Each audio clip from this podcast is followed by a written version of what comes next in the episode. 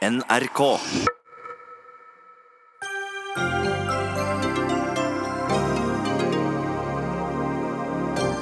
Opposisjonen har endret norsk spillpolitikk for å få færre spillavhengige.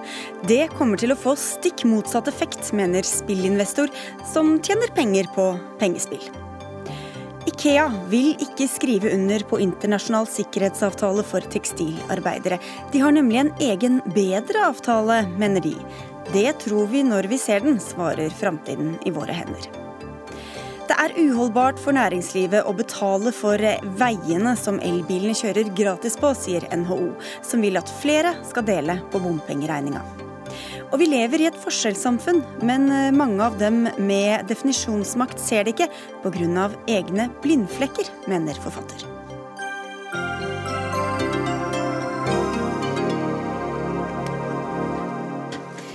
God kveld og vel møtt til Dagsnytt 18 ved Sigrid Solund.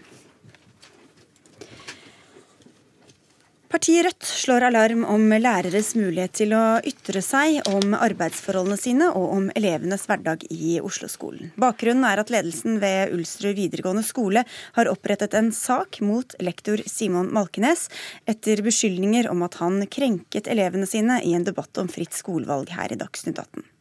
Mange lærere opplever en fryktkultur, sier du til Klassekampen, Eivor Evnerud. Du er nestleder i kultur- og utdanningskomiteen i Oslo bystyre, hvor du representerer Rødt. Og du belegger det med bl.a. nærmere 50 henvendelser du har fått fra lærere. Hva er det de forteller deg? Ja, det ble ikke færre i løpet av dagen etter den saken kom. Det de forteller meg, det begynner ofte med at jeg kan ikke si dette offentlig, men og så er det et eller annet som har skjedd. I dag så har jeg hatt to lange samtaler med to lærere som kan fortelle meg nesten det samme forløpet som jeg har hørt før. Det er at de f.eks. kommenterer en sak på Facebook. De legger inn en faglig kritikk av kartleggingsprøver eller mener et eller annet som privatperson. Så blir de oppringt og bedt om å enten fjerne innlegget sitt, eller de kommer på skolen dagen etter og blir innkalt til ledelsen. Hun ene hadde fått beskjed om at jurister i etaten har sett på det du skrev og mener du er illojal. Og det, det er den samme tilbakemeldingen mange har fått opp gjennom årene, er nettopp det at man bruker den altså skremmer dem fra å delta videre ved å si at dette oppfattes som at du er illojal. Så det er helt klart at det er et problem rundt omkring i Oslo-skolen med at lærere blir møtt på den måten. Mm. Og hva forteller de da om hva det får å si for hvordan lærere hva de tør å si og hva de tør å skrive om, om hverdagen sin? Det er klart at det frister ikke til gjentagelse når du Altså, noen eh, som jeg har snakket med, har også sagt at de var i et vikariat eller de hadde en midlertidig stilling og fikk ikke forlenget. Nå skal ikke jeg påstå at det er den eksakte grunnen til at de ikke fikk det, men de opplever det som at eh, det blir dårlig mottatt. De blir eh, forsøkt isolert som en, en, av, en, av, veldig få. Det er flere som har fått beskjed om at dette er du helt alene om å mene. Det er mange som har reagert. Vi i ledelsen eller etaten, altså flere sier sånn og sånn. Og da blir det mye lettere å la være.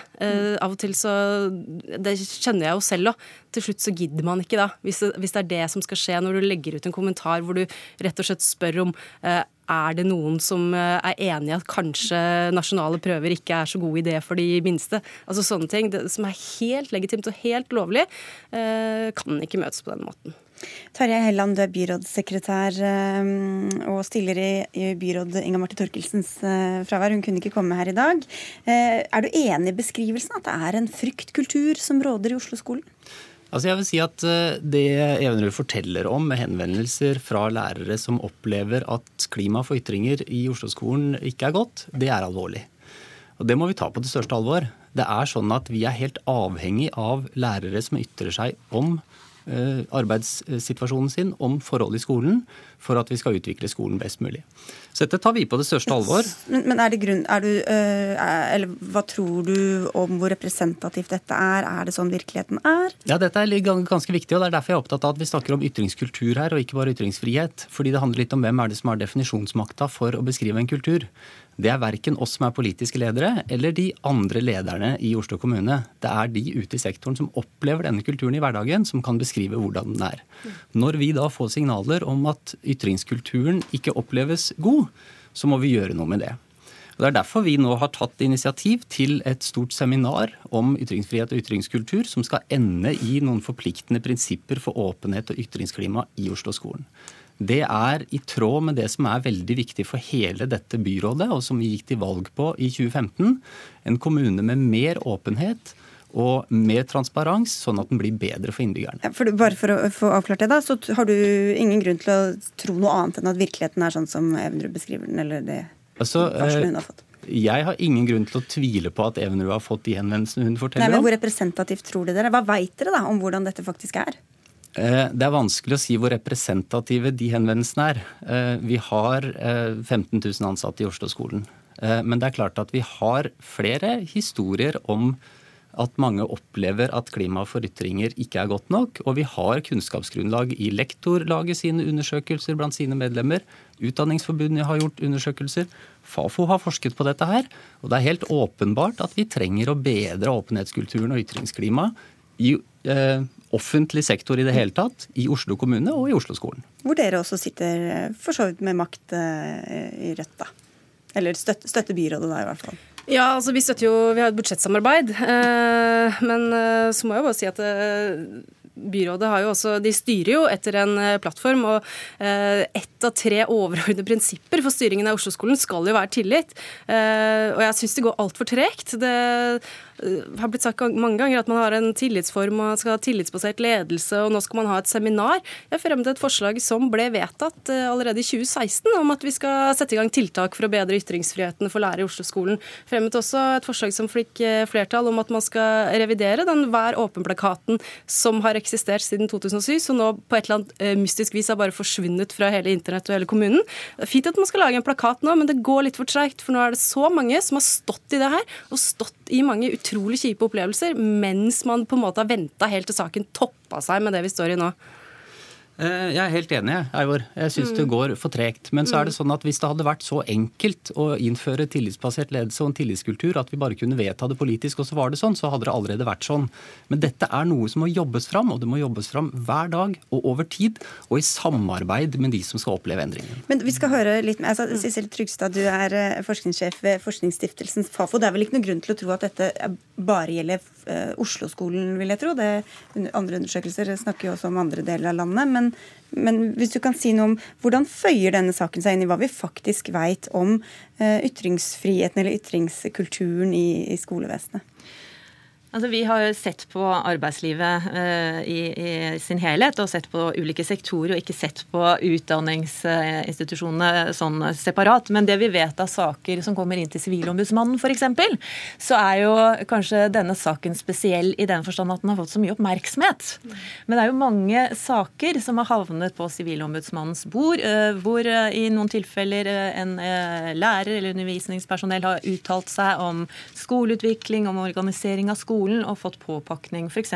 av eh, kommunen eh, for å ha opptrådt illojalt, og klager da saken inn til Sivilombudsmannen, altså læreren gjør det, og får eh, da medhold, hvor da skolen får påpakning på at de har innført et reglement som strider mot Grunnlovens paragraf 100.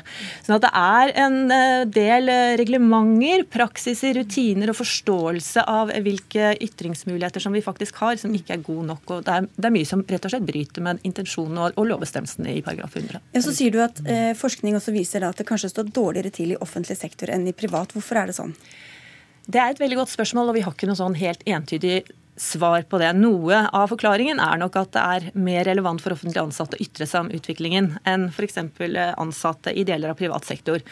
Men vi tror også at det kan ha noe å gjøre med den oppmerksomheten som er knyttet de siste to tiårene til omdømmebygging. Altså det å ha kritiske røster er brysomt når man eh, skal eh, skape et omdømme der ute. Og så tror vi også at det er en del eh, misforståtthet. At man egentlig ikke helt vet hva regelverket sier, og hvilke rettigheter man faktisk har. Så da, Helland, hva slags opplæring da, har dere gitt f.eks. skolene i hva det er lov å si, og når, eh, og når, rektor eller andre kan komme og si at her må du fjerne det innlegget, eller her må du dempe det? Mm. Altså Detaljene i opplæringen der, det er det nok eh, mye nærmere for Utdanningsetaten å forklare hvordan det har foregått, enn, enn hva jeg det, kan gjøre. Du, du veit ikke, rett og slett? Jeg er usikker på detaljene i hvordan opplæringen har vært. Det jeg vet, er at når denne nye lovparagrafen er kommet, så har det vært et stort arbeid knytta til hvordan den skal forstås, og hvordan rundskrivet som Utdanningsdirektoratet har Snakker du nå om den paragrafen som er benyttet i denne saken ved Ulster, altså 9a i opplæringsloven? Ja. Som skal hindre at elevene føler seg mobbet av lærerne? Ja. Så har det vært et arbeid i forhold til hvordan den skal forstås, og hvordan praksis rundt det må implementeres. Ja, uh, altså, Nå skal ikke jeg si noe om den paragrafen, for det var litt det du på siden der snakket om. og Det er jo den omdømmebyggingen som vi vet har foregått uh, over lang tid. og Jeg er helt enig i at det er en sentral del av hvorfor lærerne lærerne opplever at de ikke kan ytre seg kritisk. Det er klart at Skal du bygge en forståelse ut av at her er alt helt fantastisk, så kan du ikke ha disse tilbakemeldingene. og Det er helt sikkert derfor at dette har blitt som det har blitt for veldig mange lærere. Og det er vi nødt til å ta tak i og nødt til å få bort i Oslo-skolen. Men, men, så, Vi kan snakke med dem det også gjelder. Det er ja. dere, Julian Søderberg. Du er leder i Elevorganisasjonen eh, i Oslo. Eh, Eivor Evenrud har fått telefoner fra mange lærere, men jeg vil jo tro at du har fått en del henvendelser også fra en del elever. Hva sier de om denne saken? Ja, altså De fleste medlemmene våre tror jeg har en god relasjon til sin lærer, et godt forhold til skolen, og de får en god opplæring. Det tror jeg de aller fleste opplever. Samtidig så er det dessverre unntak her. Nå er det jo slik at 2,5% av elevene svarte i elevundersøkelsen sist at de følte seg mobbet av egen lærer, og det er et altfor høyt tall. Jeg syns vi alle kan være enige om at én elev som blir mobbet, er én for mye, og når det kommer fra lærere, så er det spesielt alvorlig. Derfor tror jeg denne skjerpede aktivitetsplikten er viktig, nettopp fordi at den handler om at alle som jobber i skolen, skal aktivt måtte bygge dette skolemiljøet som er bra. Det tror jeg er veldig viktig. Og når en elev melder fra mobbing, så skal det bli tatt opp. Mm. Og denne eh, paragrafen vi nevnte, da, eh, som blir brukt i denne mm. saken, mm. hvor viktig er den da for elevene og for å ha noe å slå i mm. bordet med? Altså, Paragraf 9a den har vært en kamp vi har kjempet veldig lenge. Og nå når vi har fått oppdatert den her, så er jo det nettopp fordi at vi fortsatt, etter at vi fikk eh, den opprinnelige paragrafen som sikrer et godt psykososialt skolemiljø, mm. så opplevde fortsatt elever å bli mobbet, og derfor var det helt klart nødvendig å endre loven her. Og jeg tror at denne lovendringen kan føre til at flere saker blir behandlet. Nå har vi jo sett at det er 61 saker som har blitt tatt opp i Oslo. Og det jeg tror vi burde fokusere på her, er ikke at alle disse sakene er å stille en lærer opp mot veggen og gi den sparken på dagen, men det er heller å finne ut av hva som har skjedd her. For at vi må, før vi kan eh, agere og gjøre skolemiljøet bedre, så må vi faktisk finne ut av hva som skjer.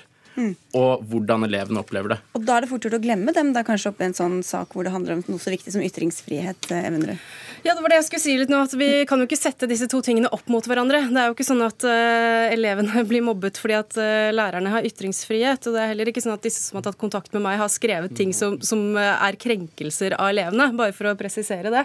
Uh, det har vært faglig kritikk og debatt som de har ønsket å delta i. og det er klart at alle elever er jo også tjent med at lærerne deres oppdaterer seg, holder seg faglig oppdatert, diskuterer, reflekterer og tenker over hva som faktisk foregår i skolen. Men så er det en annen side ved dette som er de tallene du refererer til i Elevundersøkelsen, som vi selvsagt må ta mm. på alvor. Eh, men det hører jo ikke helt sammen, disse to tingene. Det er ikke sånn at elever blir krenket hvis lærer har ytringsfrihet, eller motsatt. Eh, ja. Ja, ok. Ja, okay. Nei, altså, det tror vi på ingen måte, og for oss er jo også ytringsfriheten utrolig viktig.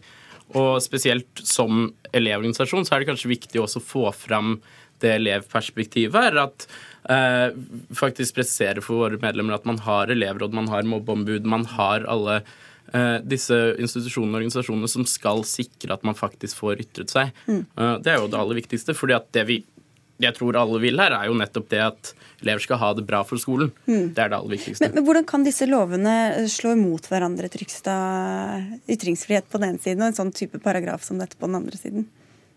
Eh, jeg er ikke ekspert på, på 9A, må jeg si. Men, men, det er jo et sånt spørsmål om, i, i denne saken, da, om, om eh, uttalelsene er av en sånn art at uh, Grunnloven må vike for, for opplæringsloven. Uh, egentlig litt satt på spissen om, om han har da krenket elevene. Eh, jeg kan bare uttale meg på vegne av det jeg har eh, hørt på Dagsnytt 18 og, og lest. Og, og, sånn som jeg hører det, så, så, kan ikke jeg se at det er tilfellet her, mm. egentlig. Men det kan jo være godt ment, selvfølgelig også fra rektors side, f.eks. Vil beskytte, beskytte elevene. Um, men hva slags uh, Vi hørte Evenrud fortelle litt om det, men hva slags uh, reaksjoner kan man vente seg hvis man er en sånn litt brysom stemme, da, eller en som, en som uh, kommer med kritikkverdig eller kritikk av skolen f.eks. Som, som lærer, eller i andre sektorer? Man kan, man kan, jo rett og slett eh, oppleve å få reprimander, man kan få tjenestepåtale, man kan få advarsler, den type eh, reaksjoner. Men så er det jo også de mer sånn subtile, at du skjønner at eh, dette her er ikke populært. Du, du opplever at ledelsen kanskje blir ja, gir deg andre typer oppgaver. altså Det er et vidt spekter av mulige represalier du kan, kan få. Også det som er veldig viktig, det er jo at det har også en veldig dempende effekt på hele arbeidsfellesskapet. Mm. Hvis kolleger ser at det å si fra, det å skrive et innlegg på Facebook eh, medfører reaksjoner, så tenker man seg jo to ganger om hvis man mm. er i en tilsvarende situasjon selv. Her vil jeg sende et veldig tydelig signal. At den reaksjonen man kan forvente seg hvis man er en litt brysom lærer som kommer med kritikk og systemkritikk, da skal reaksjonen du forventer deg bejubling, et stort takk, og takk for at du tok opp dette og brakte det frem i lyset, for dette trenger vi for å diskutere videre. Men sånn er det tydeligvis ikke helt. Uh, ja, for da lurer jeg på hva altså, sittende byråd i Oslo har tenkt å gjøre her. For det er jo absolutt ikke bejubling man blir møtt med, og det, altså, det funker jo ikke sånn det er nå. Da, det, det er, da må man ta noen grep. Uh, det hjelper ikke å, liksom, som, du, som, man sier selv, det hjelper ikke å vedta dette. Det hjelper ikke å ha en ny plakat, det hjelper ikke å henge opp noe på lærerværelset da. Altså, da må man gå ordentlig inn i det her. for dette jeg tror ikke noen har møtt, blitt møtt med hurrarop eh, etter å ha ja, ytret seg kritisk. Det å utvikle noen klare eh, prinsipper for hvordan ytringskulturen og oppdretten skal være, i samarbeid med både forskermiljøer, de som deltar ute i sektoren, elever, lærere og deres organisasjoner, er jeg helt sikker på at kan ha effekt. Og Det er nettopp den måten vi må jobbe på. Nå er vi nødt til, som politisk ledelse for byrådet, å ta konstruktive grep som gjør at den situasjonen vi er i, som beklageligvis kan ha skapt en situasjon der lærere opplever at de har dårligere ytringsklima, den situasjonen må vi ta nå. Så må vi snu den til konstruktivt arbeid for å bedre ytringsklimaet i Oslo-skolen, og det er det vi gjør.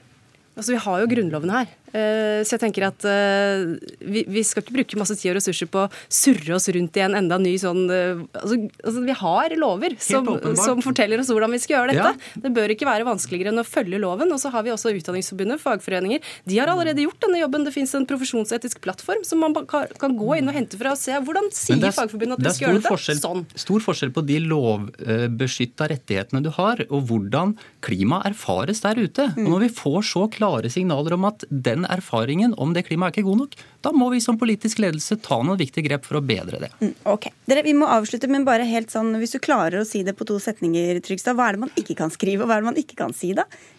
Du kan jo f.eks. ikke uttale deg på vegne av eh, skolen eller kommunen mm. eller arbeidsplassen din. så, men som privatperson så kan du uttale deg om mye, men du kan jo ikke bryte lovpålagt taushetsplikt f.eks. Mm. Ok. Dere, det blir siste, ikke siste gang vi snakker om dette. Eh, tusen takk skal dere ha alle sammen. Eivor eh, Evenrud fra Rødt, Tarjei Helland fra SV, Julian Sødeberg fra Elevorganisasjonen i Oslo og Sissel Trygstad i Fafo. Dagsnytt 18 alle hverdager kl 18.00 på NRK P2 og NRK2.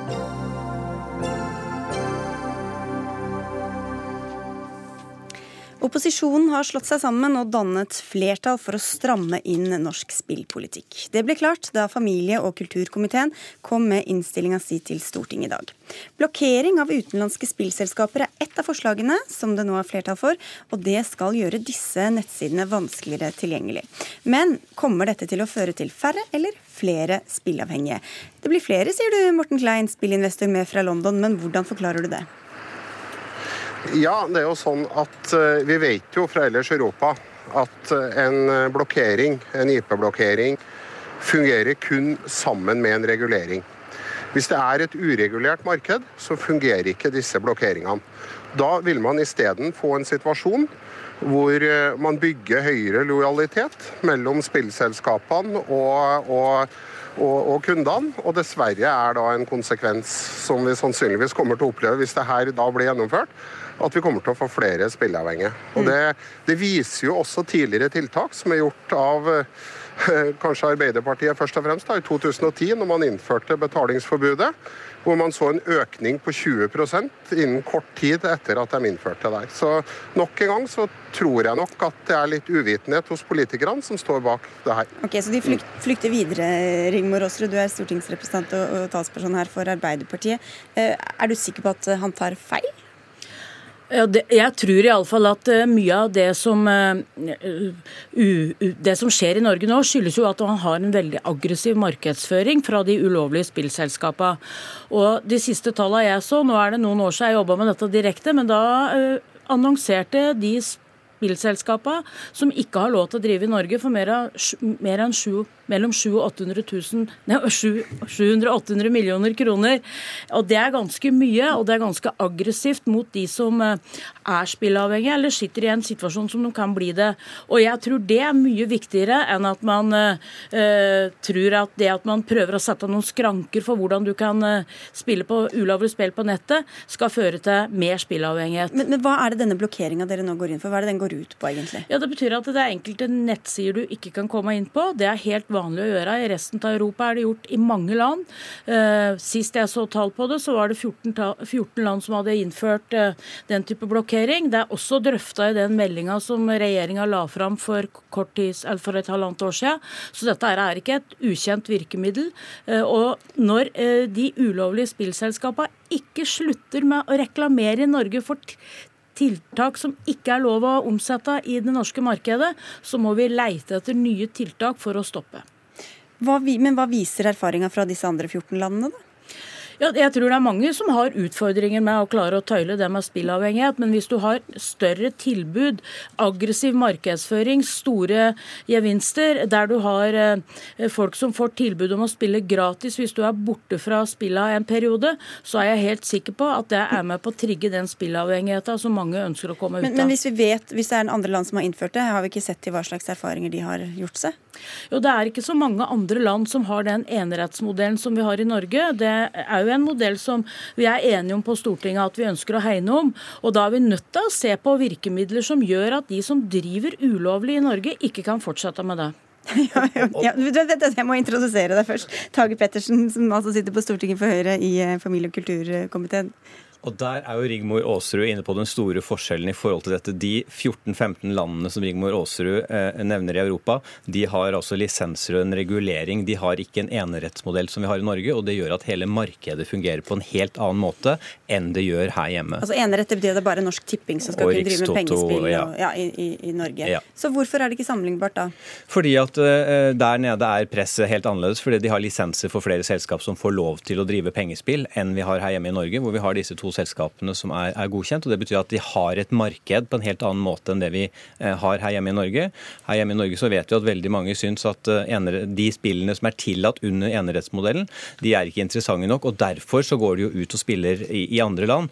Problemet også med en type blokkering som Arbeiderpartiet tar til orde for her, er jo at alle de som kan litt mer data enn en, en det våre bestemødre kan, eh, de kan omgå dette. Så dette gir oss på mange måter en falsk trygghet, og det er jo et annet stort problem med dette.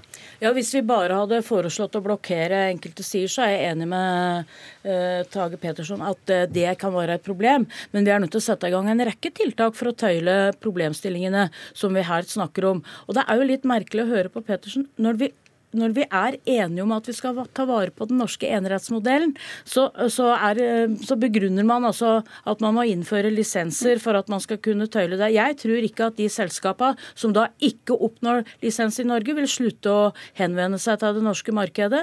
Når vi ser hvor aggressive de er for å hente penger ut av det norske markedet, så kommer de til å fortsette med det. For mye penger i det her til at de gir seg, uten at vi tar i bruk tøffe virkemidler. Jeg og Høyre har ikke tatt til orde for lisensordning, bare for å være tydelig på det. Vi står og Gjellerplattformen er veldig tydelig på at enerettsmodellen skal bestå. Men utfordringen er for oss som ønsker enerettsmodellen, som et bredt flertall på Stortinget gjør, det er at vi ikke må eh, gjøre for store endringer i spillpolitikken. Men fungerer det så bra i dag, da, syns du? Da tror jeg levetiden til enerettsmodellen faktisk Men, men, men hvordan syns du det fungerer i dag med tanke på alle som er spillavhengige? Nei, det fungerer, altså I en ideell verden så fungerer altså, så skulle man jo ikke bedrevet dette her. Den store problemet for oss her i Norge, er at gjennom enerettsmodellen så sikrer vi store inntekter til kultur eh, idrett og, og, og humanitært arbeid, som vi verdsetter alle sammen. Og Det er viktig å hegne om så lenge vi klarer det. og Der er enerettsmodellen åpenbart nøkkelen for at vi skal lykkes med det. Men, men, men hvis vi da skal ta vare på den enerettsmodellen som vi er enige om er viktig for korpsa, idrettslaga og speideren og alle som driver aktiviteter for barn og unge rundt omkring i Norge, hva er det da Høyre har av virkemidler for å ta vare på den enerettsmodellen. Nå skal man ikke lisensiere. Man, skal, man uh, nærmest latterliggjør de forslagene vi har lagt fram her. sånn. Og hva er det? Hva for slags okay, du får svare på det, så skal vi få med Klein igjen også. Problemet, altså veldig kort, og, og det var vi også tydelige på i, i, spill, i, spillmeldingen før sommeren, det er at her må vi få på plass et felles europeisk regelverk. Ellers så er også et norsk regelverk ikke noe verdt, så lenge vi vet at avsenderen sitter i et annet land enn her hjemme i Norge. Men, men vi skal få inn Morten Klein. Altså, du, du er jo kritisk til hele denne pakka, men ut fra din logikk logikk så blir det jo færre spillavhengige jo flere som kommer på banen, og jo færre reguleringer man har, da, eller? Ja, altså det, det, vil jo fortsatt være fullt lovlig for nordmenn å spille på internasjonale spillselskaper, også etter de tiltakene her. Det som er, det som er viktig å bemerke her, i 28 år, som i hvert fall jeg har vært involvert i spill, så har man eh, konkurrert mot, altså mot spill fra andre aktører de siste 15 årene, eller 18 årene mot internasjonale spillselskaper. Og når Norsk Tipping altså når de konkurrerer istedenfor å kontrollere og regulere, eh, da blir det dessverre flere spilleavhengige. Og Det som kommer til å skje her, det er jo da at Myndighetene har jo nå misbruker jo en mulighet til å kontrollere det her med skatt. Norge kommer til å være det eneste landet i Europa hvor det ikke er skatt på spill, på, på spill fra norske spillere. Da. Og, men, men det er fordi de vil, ikke vil gjøre skal, skal, de liksom bare tillate alt bare av rent bekvemmelighetsårsaker for å få mer inntekter til, til staten? Mener du da at de skulle skatte Norsk Tipping? Man må slutte å ha fokus man, man, man, må slutte å ha fokus på hvem som tjener pengene, man må ha fokus på hvem som taper pengene. Og man ønsker å begrense spillerproblemer. Det er det første. Her er det altfor stort fokus i Norge på at Norsk Tipping skal tjene penger, enn å ha et fokus på at vi må regulere og få en kontroll på det markedet her. Jeg skjønner at, eh, skjønner at eh, Klein er bekymra for de som eh, tjener penger, for han tjener vel ganske mye penger på de spillene nå, og er vel redd for at en regulering kan gjøre at han tjener mindre. Det, det bekymrer ikke oss. Men vi ser jo at mange av de spillselskapene som er aktive nå, de er registrert i, i, i land som ikke har noe særlig skatteregimer. Det er Cayman Island og det er andre land som eh, man registrerer selskapene sine på. Myndighetene klarer ikke å hente verken skatteinntekter eller overskudd til frivilligheten fra de selskapene. Men det kan man gjøre ved en regulering. og Det er akkurat det som er det store problemet her. Det er at man ikke ønsker å regulere det her. Og jeg tror jo Med en regulering så kunne man lagt skatt på spilleselskapene. Man kunne ha fått eh, kontroll, at det var et likt regime, og man kunne ha bekjempa spilleproblematikk i, i, fellesskap. Det som skjer nå, det er jo det at, eh, at uh, man får et marked som bare blir mindre og mindre kontrollerbart av norske myndigheter. Og, men det som er positivt med det her, faktisk, at hvis det skjer, ja, det som er positivt at hvis det skjer, at det kommer til å bli en raskere regulering. Men dessverre så, så fortsetter da eh, politikerne å kaste de spilleavhengige på bålet. Dessverre. Ja. Det er veldig trist. Det er jeg fullstendig uenig med deg og Det at vi klarer å tøyle noe av det som er den ulovlige reklamen inn til Norge, det at eh, dere er så aggressive i å hente spillere, det er det vi er nødt til å eh, tøyle. Og det tror jeg ikke kommer til å bli bedre, sjøl om vi skulle ha en lisens. Dere kommer ikke til å etablere selskapene deres i Norge. Vi vet at det er vanskelig å, å få inn skatteinntekter fra internettselskaper. Ok, du, Klein, Vi må eh, stenge av deg, holdt jeg på å si. Takk skal du ha fra London. Og helt på tampen, Pettersen, og om dere vil eller ikke, så blir det politikk dere må føre, da? Dette blir åpenbart politikk vi må føre. og Derfor er jeg glad for at vi har fått til noen oppmykninger i arbeidet i komiteen i dag. Så, så det er jo positivt. Men, men, det hadde jo vært interessant å høre hvordan Høyre hadde tenkt å tøyle ja. problemstillinga. Det er jo ingen svar. Det får bli en slags cliffhanger til eh, neste runde her. Takk skal dere ha alle tre. Rigmor Aasrud fra Arbeiderpartiet, Tage Pettersen fra Høyre og Morten Klein, som altså er spillinvestor med fra London.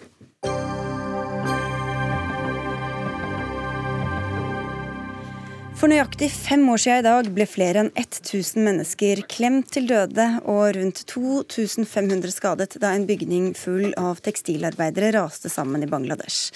I forkant hadde arbeiderne på fabrikken oppdaget sprekker i veggene. De ble evakuert fra fabrikkbygningen, men sjefene beordret dem tilbake på arbeid. Hvis de nektet, kom de til å miste jobben. Katastrofen ble kalt et vendepunkt for tekstilbransjen i Bangladesh. Og nå har flere enn 200 store internasjonale kleskjeder skrevet under på en eh, sikkerhetsavtale for tekstilarbeidere, men møbelgiganten Ikea, som også er en stor tekstilimportør, har ikke skrevet under. Mer om det straks, men først Anja Bakken Riise, du er leder i Framtiden i våre hender. For å si litt mer om forholdene i denne tekstilbransjen. Du var på besøk i Bangladesh rett før påske. Hva så du der? Mm. Nei, jeg, hva skal jeg si? Jeg så flere ting. På, på, den, den, ene sida kan du si at uh, fordi fabrikkene som er omfatta av denne sikkerhetsavtalen som har kommet på plass siden Rana Plaza-ulykken, så er eh, de eh, materielle sikkerhetsforordningene blitt bedre.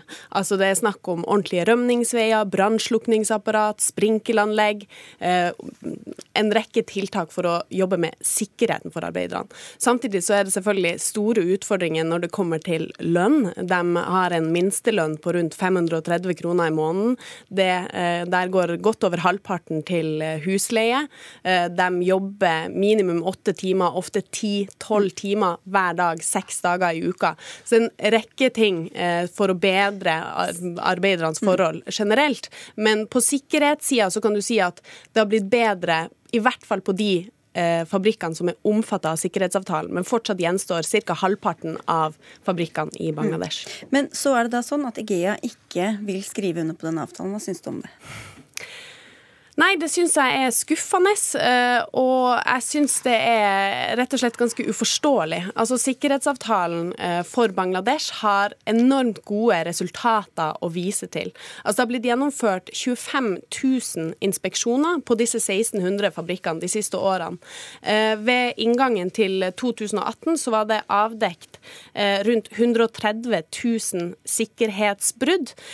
Men det som er bra med denne avtalen, avtalen, er at man har utøver fullstendig åpenhet rundt det. Sånn at alle de tingene som har blitt avdekt på fabrikkene, det får man se på internett, på offentliggjorte lister fra avtalen. Man kan gå inn og se planer for forbedringer. Eh, man kan se hvilke fabrikker man ikke burde forholde seg til fordi at de ikke lever opp til standarder, osv. Mm. Ok, Da må vi høre med deg, da. Anders Lennartson, ja. Eh, Ikeas bærekraftsjef i Norge, velkommen hit. Hvorfor har dere ikke skrevet under på denne avtalen? Eh, det handlar om att vi sedan år 2000 har jobbat med en egen standard som omfattar alla länder och alla branscher. Som ni vet så handlar Ikea inte kun om textil och kun om Bangladesh utan vi måste tänka mer globalt kring det här och därför har vi utvecklat en egen standard som inte bara heller innehåller eh, säkerhet för medarbetarna eller byggnader utan även arbetarnas rättigheter och miljökrav.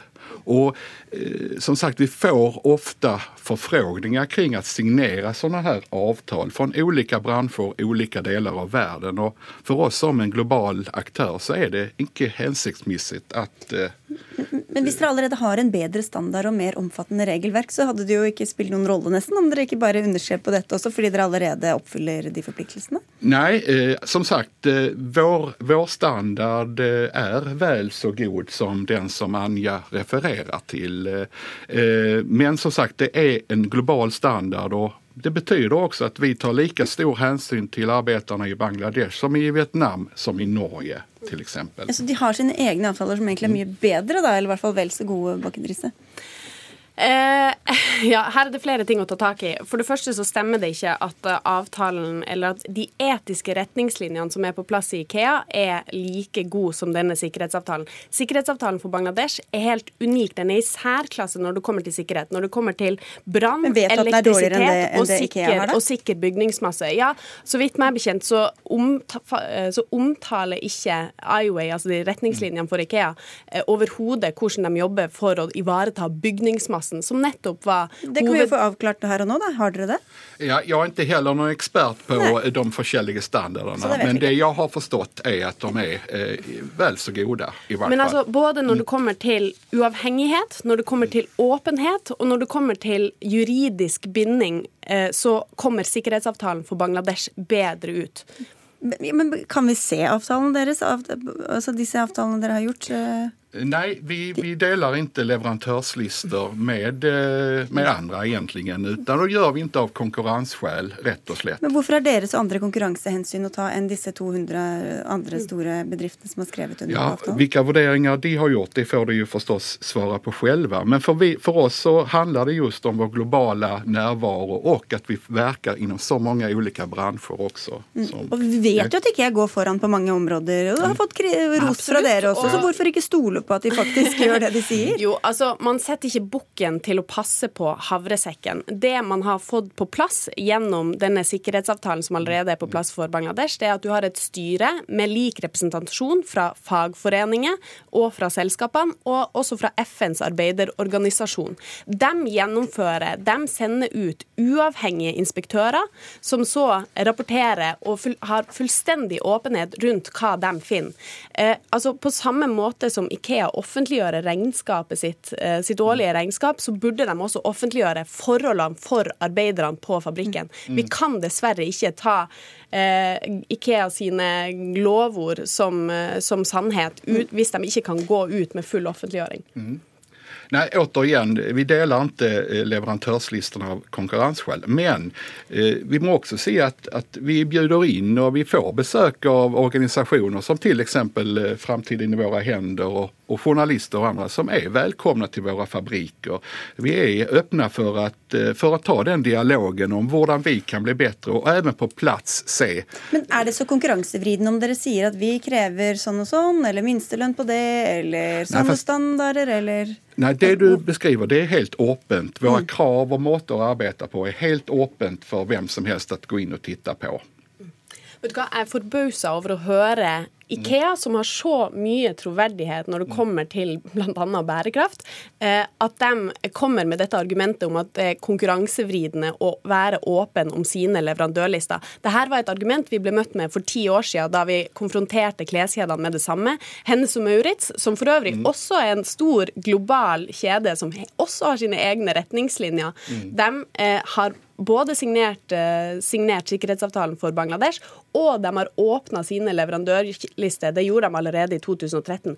Det som er bra når det er åpenhet om tekstilfabrikkene man bruker, eller om fabrikkene man bruker, og om eh, hva kontrollene avdekker på de fabrikkene, er jo at andre seriøse aktører også kan se at her er det en fabrikk som leverer godt, som jobber godt med sikkerhet. Denne kan vi også tenke oss å bruke.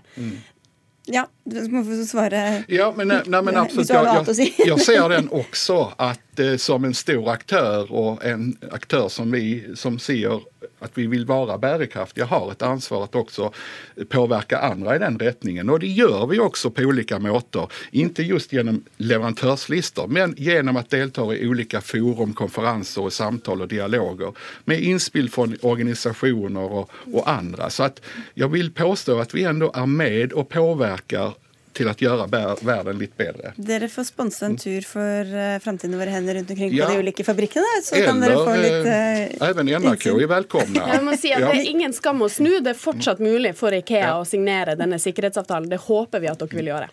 Takk skal dere ha, begge Takk. to. Anja Bakken Riise, som er leder i Framtiden i våre hender, og Anders Lennartson, som altså er Ikeas bærekraftssjef i eh, Norge.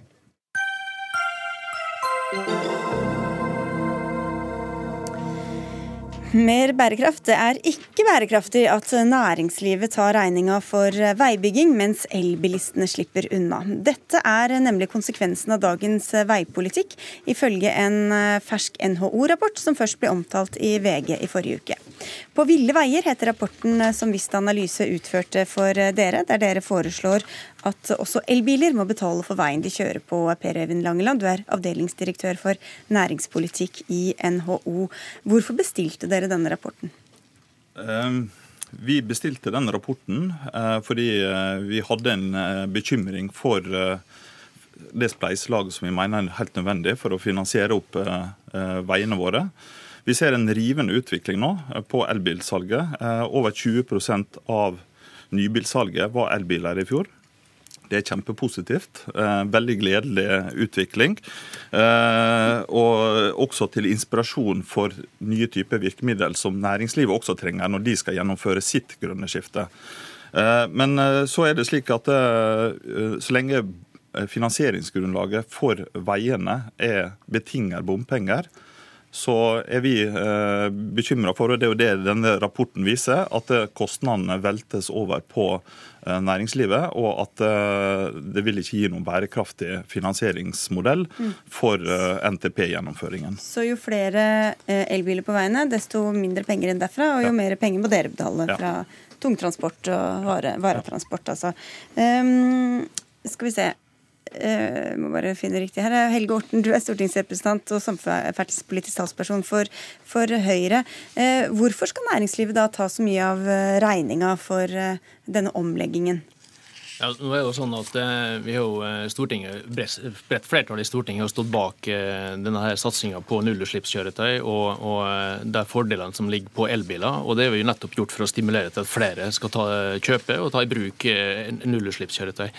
Så Sånn sett så er det jo en, en politikk som er ønska bredt, og, et bredt flertall, og, og som, vi, som vi mener det er viktig å gjennomføre rett og slett for å bidra til den grønne omstillinga. Det å få, få flere nullutslippskjøretøy og sørge for at, at, bransj, at transportbransjen også tar sin del av, eh, og tar en stor del av faktisk av da utslippsreduksjonene vi skal ha fremover. Og da er Det jo det er viktig at vi, det som paradokset er jo at vi da, når vi lykkes med det, da, nå er jo over en tredjedel av, av nybilsalget faktisk elbiler eh, allerede i første del av året. og det gjør jo at Til mer vi lykkes med det, selvfølgelig, til mindre bompengegrunnlag får vi når, når, eh, når det ikke er bompenger på elbil. Ja, det er jo rett og slett bare sånn at forurenser skal betale, og vi ønsker en grønnere bilpark. Så hva blir da konsekvensene hvis dere får det som dere vil? eh, Med, med, når skal vi nå disse målene da? Nei, altså Vi er for at forurenser skal betale, og næringslivet er innstilt på å betale.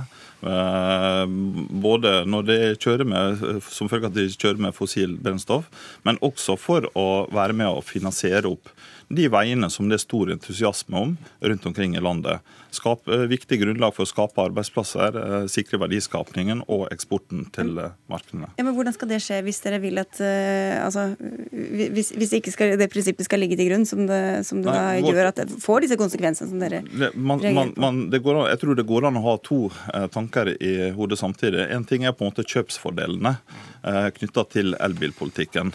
Eh, det vi er mest bekymra for, er på en måte eh, hva skal jeg si, bruken av de. At eh, de ikke er med på å spleise bruken av vei. Vi mener nok det at alle som bruker veien, sliter på veidekket. Du har ulykkerisiko eh, og slike typer ting. De må være med og delta i det spleiselaget. Mm. Og ikke bare gå på altså, ja, ikke sant? Man betaler for, den, for det man kjører, faktisk. Ja. Så jeg synes det NHO tar opp nå, det er for så vidt en interessant diskusjon. fordi På et eller annet tidspunkt så vil jo andelen av nullutslippskjøretøy i bilparken vår bli så stort at vi er nødt til å ta en ny runde på avgiftspolitikken. Både på kjøpsfordelene, for så vidt. Selv om det ikke det skjer ikke på kort sikt, men iallfall på litt lengre sikt. Og, og sam, Når det gjelder bompengepassering, så har jo Stortinget gjort et vedtak og sagt at det, det skal være maks 50 eh, eh, Ja, for de skal begynne å betale likevel, de Eh, På, elbilene. eh, da. på et, altså, la oss si Oslopakke 3, trinn 2, da, som vi nå har til behandling i Stortinget. Der er jo faktisk foreslått at vi begynner å ta et mindre beløp også av elbiler i 2019.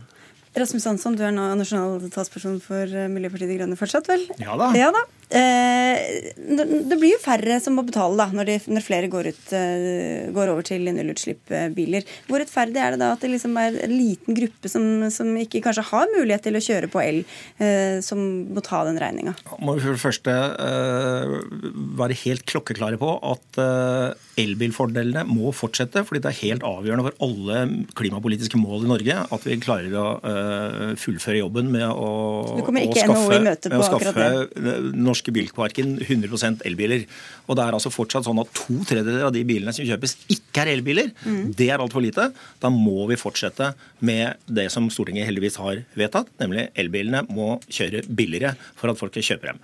Så er det en ting som eh, verken NHO eller Høyre snakker om her, som er årsaken til at denne diskusjonen kommer opp, nemlig at Høyre og kompani bygger så dyre motorveier, f.eks. E18 inn til eh, Oslo fra vest, at eh, de begynner å krangle om hvem som skal betale. For de eh, enorme motorveiutbyggingene, som kommer til å skape mer trafikk, og som er veldig dårlige for hele transportsystemet, både i Akershus og Oslo, hvor man isteden trenger bedre kollektivtransport, de veiene de kommer til å skape så enormt høye bompenger for bilistene og for lastebilnæringa at nå begynner de å kaste regninga på hverandre.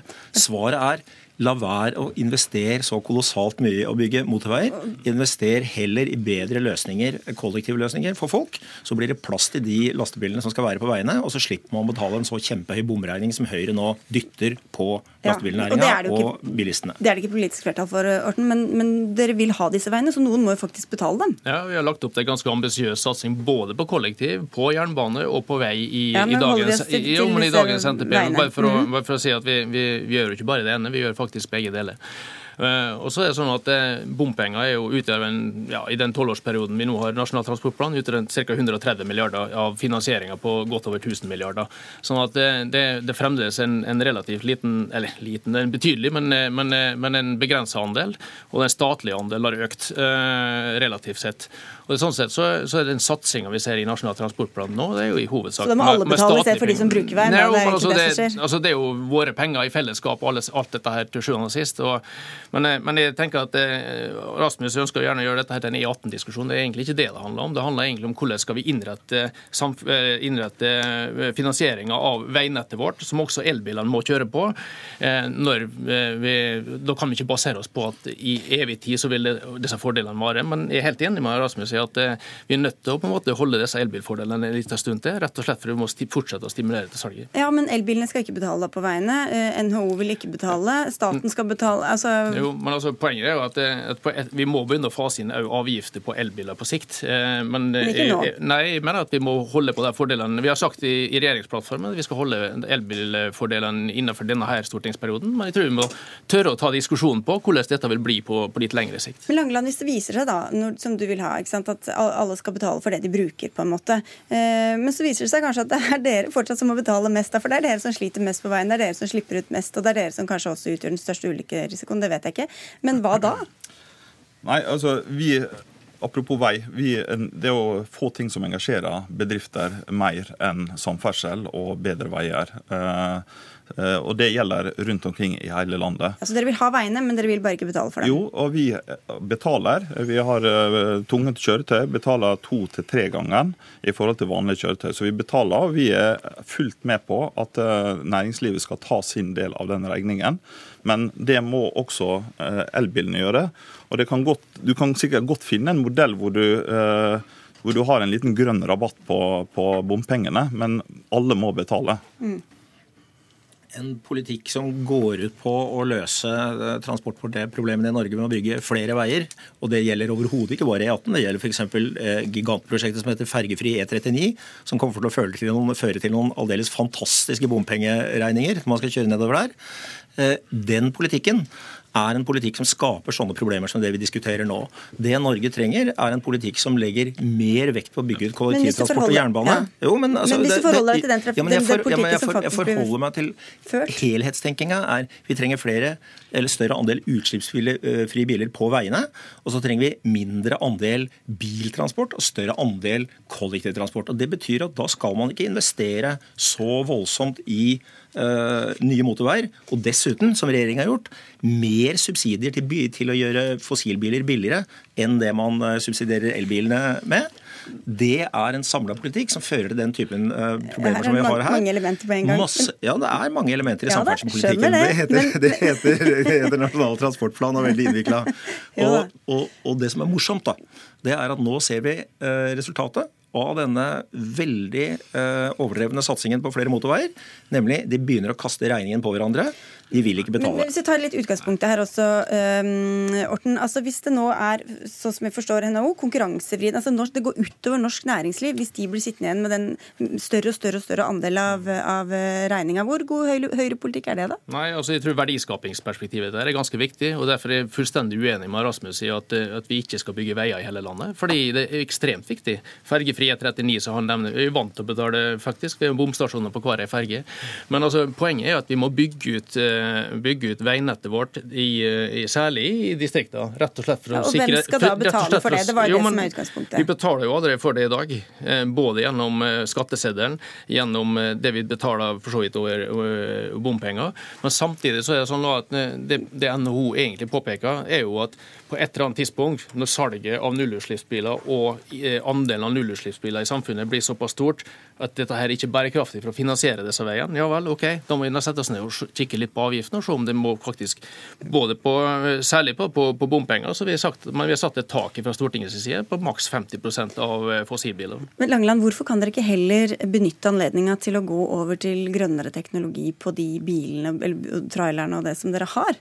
Jo, og det, og det, For det første så er det mange bedrifter som gjør det. Og vi ønsker at eh, vi har litt av de samme type positive virkemidlene som eh, vi har på elbilene. Elbilpolitikken viser jo at politikk virker. Eh, nå ligger noe av teknologiutviklingen på lastebil eksempel, litt etter personbil, men vi eh, ønsker gjerne å ta del i den samme type utviklingen. Men da hjelper det ikke å gi liksom, regninga over på elbilene og det, at dere må betale mindre. Det blir jo ikke noe insentiv til å satse på teknologiutvinning da? Ja, Altså, her må vi skille mellom kjøpsfordelene eh, knytta til enten varetransport eller persontransport, og bruken av veien. Og Det er bruken av veien som vi er nå bekymra for. Eh, vi ser problemer allerede på Vestlandet. at eh, her må, Det må fikses opp i. Jeg tror vi må takke for tre debatter igjen, eller noe sånt nå, eh, mine herrer. Helge Orten fra Høyre, Per Øyvind Langeland fra NHO og Rasmus Hansson fra Miljøpartiet De Grønne. Hør Dagsnytt 18 når du vil. Radio NRK Radio.nrk.no.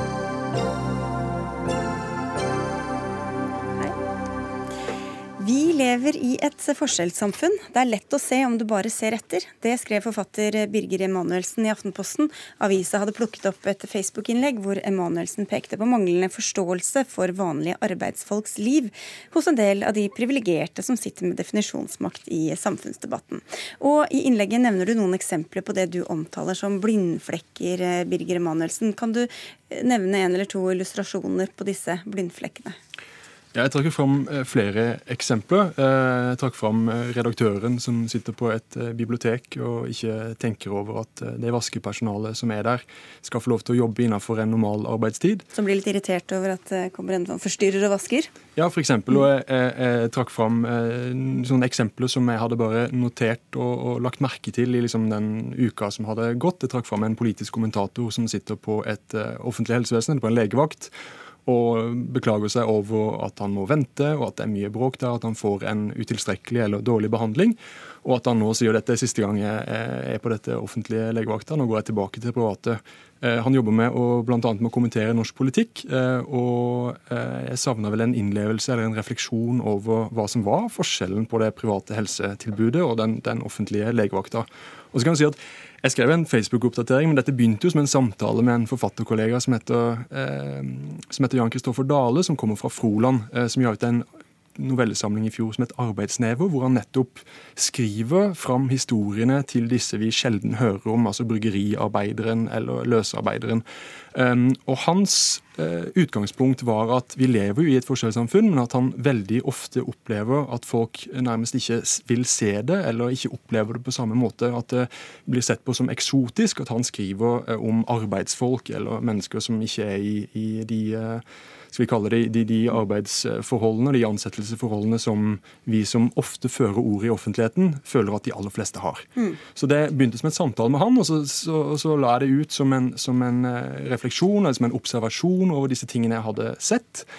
Og så eh, Jeg skal ikke overdrive og si resten av historien, men, eh, men, eh, men har i hvert fall kommet hit. Så har jeg kommet hit, ja. fordi at folk eh, åpenbart reagerte på det. De, det resonnerte hos ganske mange eh, lesere, fikk mye kommentarer på det. Og det for meg betyr at de blindflekkene som jeg snakker om, eh, de snakker jeg ikke om for å henge ut disse som har skrevet disse Facebook-oppdateringene. For jeg tror helt åpenbart at vi er veldig mange som har disse blindflekkene. Jeg har jobba i kulturfeltet i ti år. Dette er ikke noe som tilhører høyresida eller venstresida. Den har ikke en politisk adresse. Det er mer klasse, klasse... Ja, En annen måte å si forskjellssamfunn på er jo å si klassesamfunn. Ja. Eh, og jeg har også fått kommentarer på kanskje jeg heller burde kalle en spade for en spade og kalle det for et klassesamfunn. Du, Lars Kolbergsveit, du er rådgiver i Tankesmien uh, Civita. Dere ble vel uh, uten navns nevnelse også uh, for så vidt var innom dere i denne kommentaren. Du har skrevet et svar i Aftenposten. Hvor godt kan du, tror du, som filosof i en tenketank liksom leve deg inn i å forstå hverdagen til f.eks. en sykepleier eller bygningsarbeider? Jeg tror ikke jeg kan forstå det fullt ut. Og, og, og selvfølgelig eh, er det forskjeller. Og det, den, men det jeg reagerte på med, innlegget til Birger, var at jeg tror det er farlig eller uheldig hvis samfunnsdebatten går i en retning av at man må være lik den andre. Man må være lik bryggeriarbeideren for å kunne forstå hvordan bryggeriarbeideren har det. Og det andre som jeg reagerte på, er kanskje at eksemplene eh, eh, var eh, hadde en slagside i retning av sånn, ja, kall det klassesamfunn, forholdet mellom høy og lav, mellom arbeid og kapital. For eksempel, et eksempel brukte i eh, ditt innlegg var denne tenktankjuristen som har fleksibel arbeidstid og har det enkelt fordi at han kan levere seint i barnehage, men som angivelig ikke har forståelse for uh, sykepleiere som eh, ja. jobber turnus. Du, prøver, du savner sykepleieren. Hvor, godt forstår sykepleieren vår hverdag i tenketanken-perspektivet? Nei, det er ikke det jeg savner. Men jeg tenker at vi som har høy utdanning i Norge, vi har veldig høy fleksibilitet, vi har mye ferie osv. Men det til, eh, eh, det, er ikke, det, er ikke, noe vi får gratis. Alternativt så kunne vi tjent mye mer, hatt lengre arbeidstid og mindre fleksibilitet. Men da hadde vi kanskje vært avhengig av å kjøpe tjenester okay, blir... i større grad. Og da hadde vi fått et enda større forskjellssamfunn, kanskje. Ja, og jeg, Første delen av, av det Kolbergstvedt sier, er jeg helt eh, enig i. Vi kan ikke redusere politisk debatt og samtale til at alle må kunne ha gått i skoene eh, til bryggeriarbeideren for å kunne snakke om forholdet på bryggeriet. Sånn kan det ikke være. Vi må kunne utveksle ideer og, og debatter og, og, og synspunkter eh, med håper eh, å si, med utgangspunkt i det vi har lest oss til, eller det vi har forstått gjennom eh, empiri og, og, og tall. Det er helt greit, det har jeg ingenting eh, Der er vi ikke uenige i det hele tatt.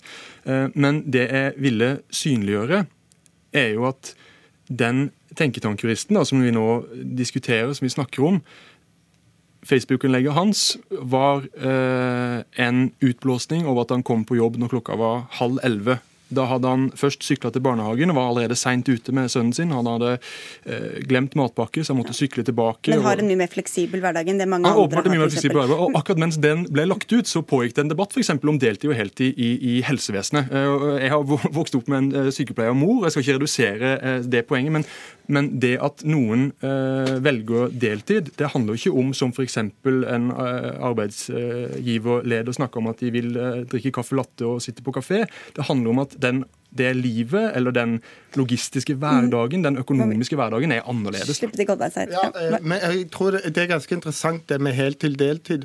Og Da mener jeg at et bedre eksempel kunne vært konflikten mellom de som har prøvd alternative turnuser og fått mer eh, heltidsstillinger pga. alternative turnuser, men blir eh, motarbeidet av eh, fagforeninger sentralt, og den maktkampen og den manglende forståelsen der skjer internt blant eh, sykepleiere, mellom f.eks. offentlig, privat osv.